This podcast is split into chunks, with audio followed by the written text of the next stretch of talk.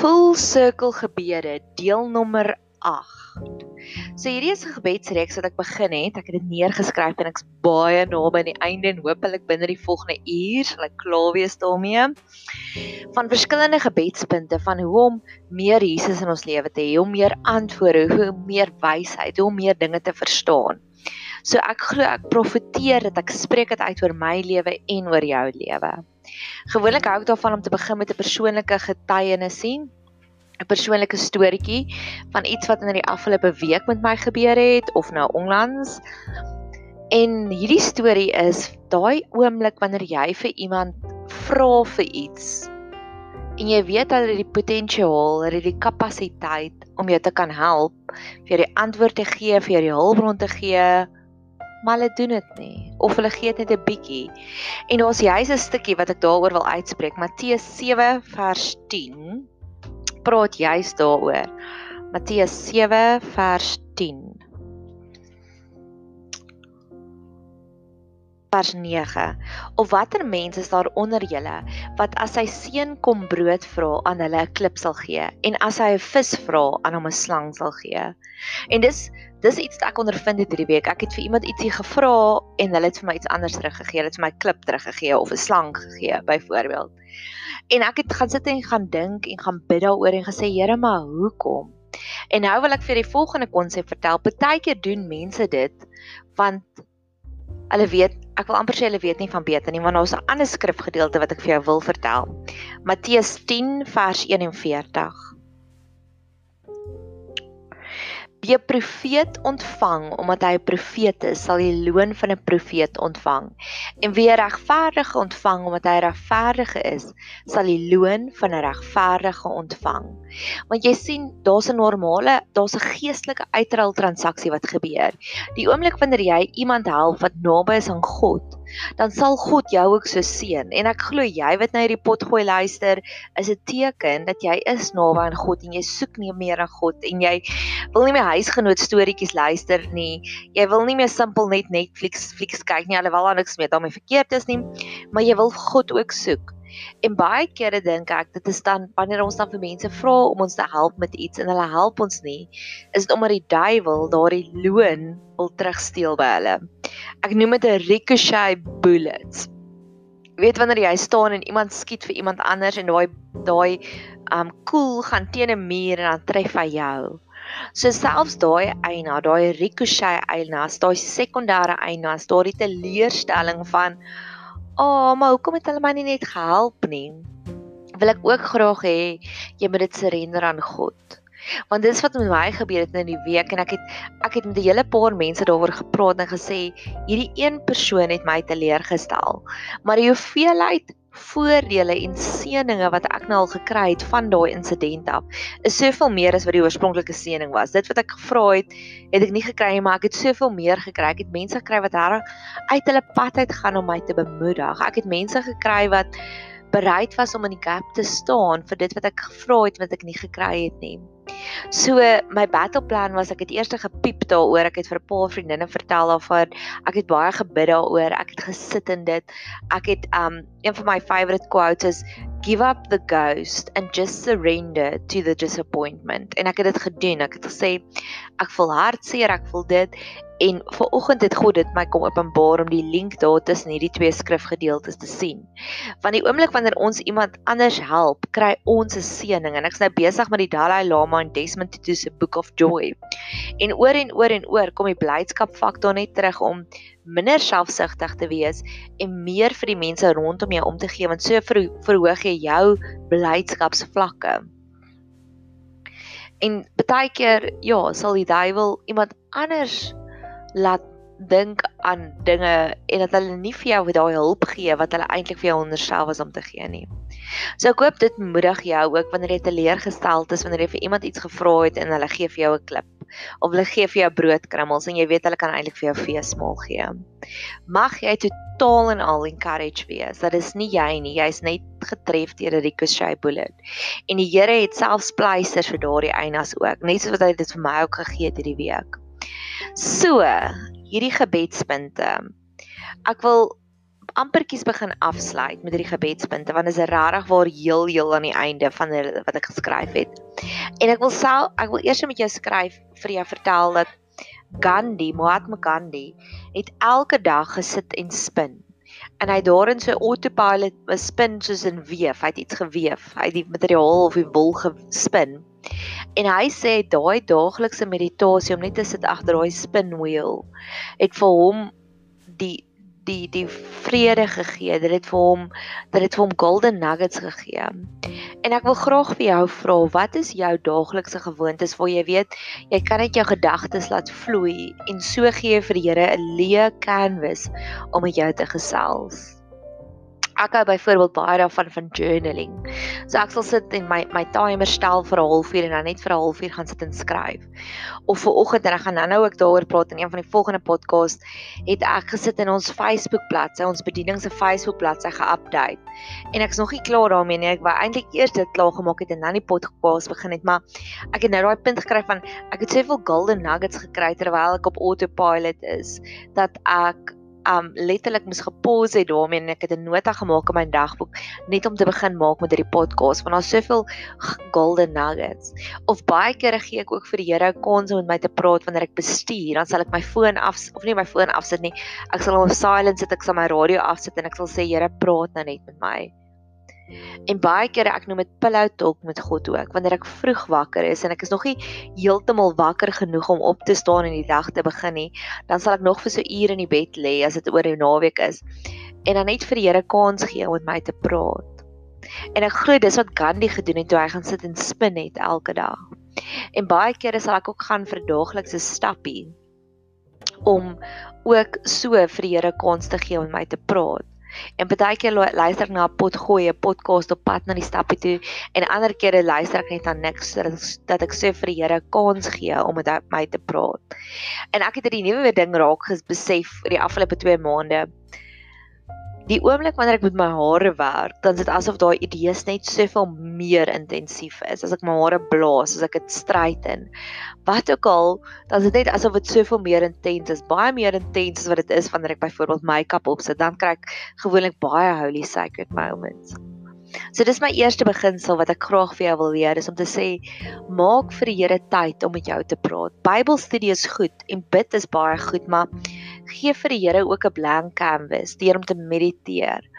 Partykeer kan ek sit en mediteer vir 'n halfuur aan, maar ek is oor die algemeen 'n baie hoë energie vlak mens. So wanneer ek hoë energie vlak het, is dit my moeilik om te sit en mediteer en dan hou ek vir my stappie of wanneer ek bestuur of sulke geleenthede. Dis nou naby aan Desember vakansie wanneer ek hierdie podcast maak. En ons loop se baie keer op die strand rond en dan sien ons hierdie gultjies met hierdie perfekte bikini lyfies. Maar ons besef nie hoeveel opofferings het hulle gemaak deur die hele jaar om daardie perfekte bikini lyf te kry nie. En so glo ek ook is dit dieselfde met geestelike beginsels. Daar's sekere beginsels wat ons moet in plek saai, dis soos 'n bamboesplantjie. Ek het al gehoor as jy 'n bamboesplantjie plant, dan groei hy in die eerste 4 jaar omtrent net so 15 cm. Maar in jaar 5 groei hy tot en met 25 meter. En dit het ek al keer op keer op keer op keer ervaar in my eie persoonlike lewe. Ek sal begin met 'n basiese beginsel en vir die eerste paar kere sal dit voel niks gebeur nie, maar op 'n oomblik as jy binne daai 5de jaar en ewe skielik groei dit en dit blom. So mag jy vir jouself daaglikse beginsels in plek sit waar jy vir die Here 'n blank canvas gee om te sê praat asseblief met my. Dan het ek nog 'n storie wat ek vir jou wil vertel en dit is in Esegiel 22 van om in die bres te staan daar is iets wat ek dit gaga vir jou soek pres.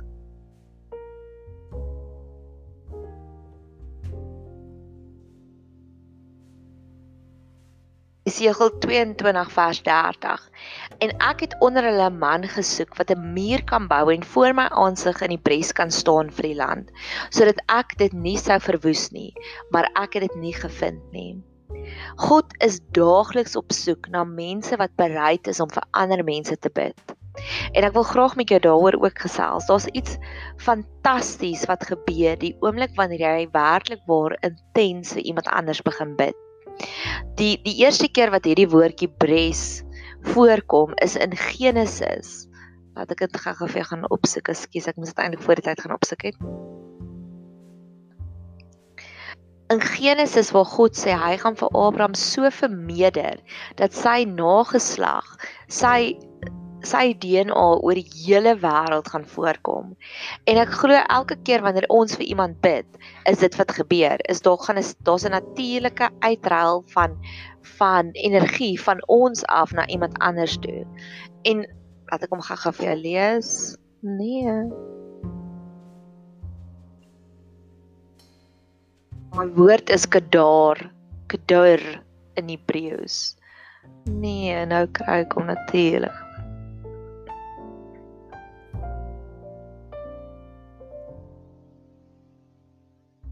Ek kry hom nou nie.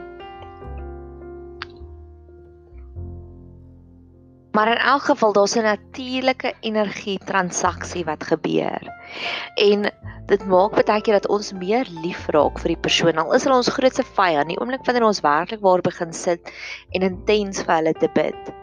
Ek het 'n paar jaar terug was daar 'n boelie in my lewe en ek het weer eens oor Desember vakansie het ek baie gebedstyd geïnvesteer om vir hierdie persoon te bid. En in die begin was dit hard, dit was soos, "Ag, oh, beskerm my teen haar en dit en dat." Maar eventually het die Here daai switch verander dat ek het meer liefde vir haar gekry, ek het meer empatie vir haar begin kry. Ek het begin verstaan dat o ja, maar dis omdat dinge in haar lewe verkeerd geloop het, dis hoekom sy so optree. So vat asseblief hierdie uitdaging om te sê Here, hierdie persoon maak my hart seer, maar in plaas daarvan om 'n moordkuil van my hart te maak, vra ek asseblief eerder gee vir my gebedspunte vir daardie persoon. En as jy net stil raak by die Here, jy, die Here is so amazing. Hy sal vir jou dadelik begin gebedspunte gee. Ek noem dit ook 'n Alice in Wonderland oomblik. Jy weet soos wat Alice in Wonderland so afgekyk het in haar gat en sy het gesien, "Oh, wow, kyk hierdie wonderlike wêreld." En dis wat ek al keer op keer gekry het. Wanneer daar iemand iets my ingedoen het, sal ek sê, Here, I choose compassion instead. So leer my asseblief eerder om vir hulle te bid in plaas daarvan om 'n moordkuil van my hart te maak. En ek glo werklik waar dat ons het soveel untapped kapasiteit wat ons kan kry deur om vir ander mense in die bres te staan. En hierdie gebedspunte wat ek al keer op keer gesê het is Here, almal wat ek al reeds ontmoet het en almal wat ek nog gaan ontmoet, sluit hulle asseblief in in hierdie gebedspunte. Raak hulle lewe asseblief so aan. En dan wil ek vir jou nog ietsie vertel, net dis 'n quote wat ek raak gelees het. If you would trust your opponent without fail, you will upgrade them to a trustworthy person. If you trust your opponent without fail, you will upgrade them to a trustworthy person. So daar's ietsiekie fantasties wat gebeur en ek glo dis kom Jesus gesê het wees lief vir jou vyande, spreek seën oor hulle uit. Want jy kan nie evil met evil oorwin nie. Jy kan net evil met goedheid oorwin. Die lig het gekom en die duisternis het gevlug. En dis wat Jesus hier vir ons probeer leer het. Ek is byvoorbeeld baie passievol oor ons omgewing. En ek en ek feesvier as ek 'n positiewe ding in ons omgewing gesien het. Ek sal sommer baie maklike post plaas op ons op ons gemeenskaplike WhatsApp groepie om te sê ek het gisteraand by hierdie restaurant gaan eet en dit was regtig baie fantasties. Want ek glo meer God vir ons daardie positiewe, liefdevolle gevoelens gee vir ander mense van ons omgewing, hoe meer kan ons ons liggie laat helderder skyn. So mag God ons net meer en meer leer om werklik lief te wees vir ons vyande.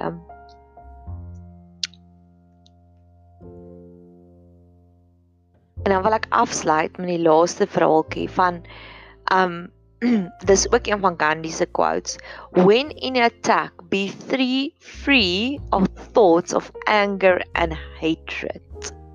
En daar's daai skrifgedeelte wat ook sê word toornig maar moenie sondig nie word toornig. So baie keer kry ek ook daardie holy rage in my en ek het al veral vir vir dinge wat ek weet iemand het dit aangevang maar ek weet hulle het nie goed deurdink nie en hulle was selfsugtige be, be, beginsels agter dit. Ja, dan kan ek die holy rage kry. En hier is wat die Here vir my kom leer het. Daar's ek kry 'n verskriklike gesonde release die oomblik wanneer ek 'n briefie sit en skryf. Ek hou van skryf. So ek sal baie keer dan gaan sit en gaan skryf en sê maar dit wat jy gedoen het laat my so voel en ek weet hier is die nagevolge. En ek sit en ek skryf, ek dik wend dit alles uit.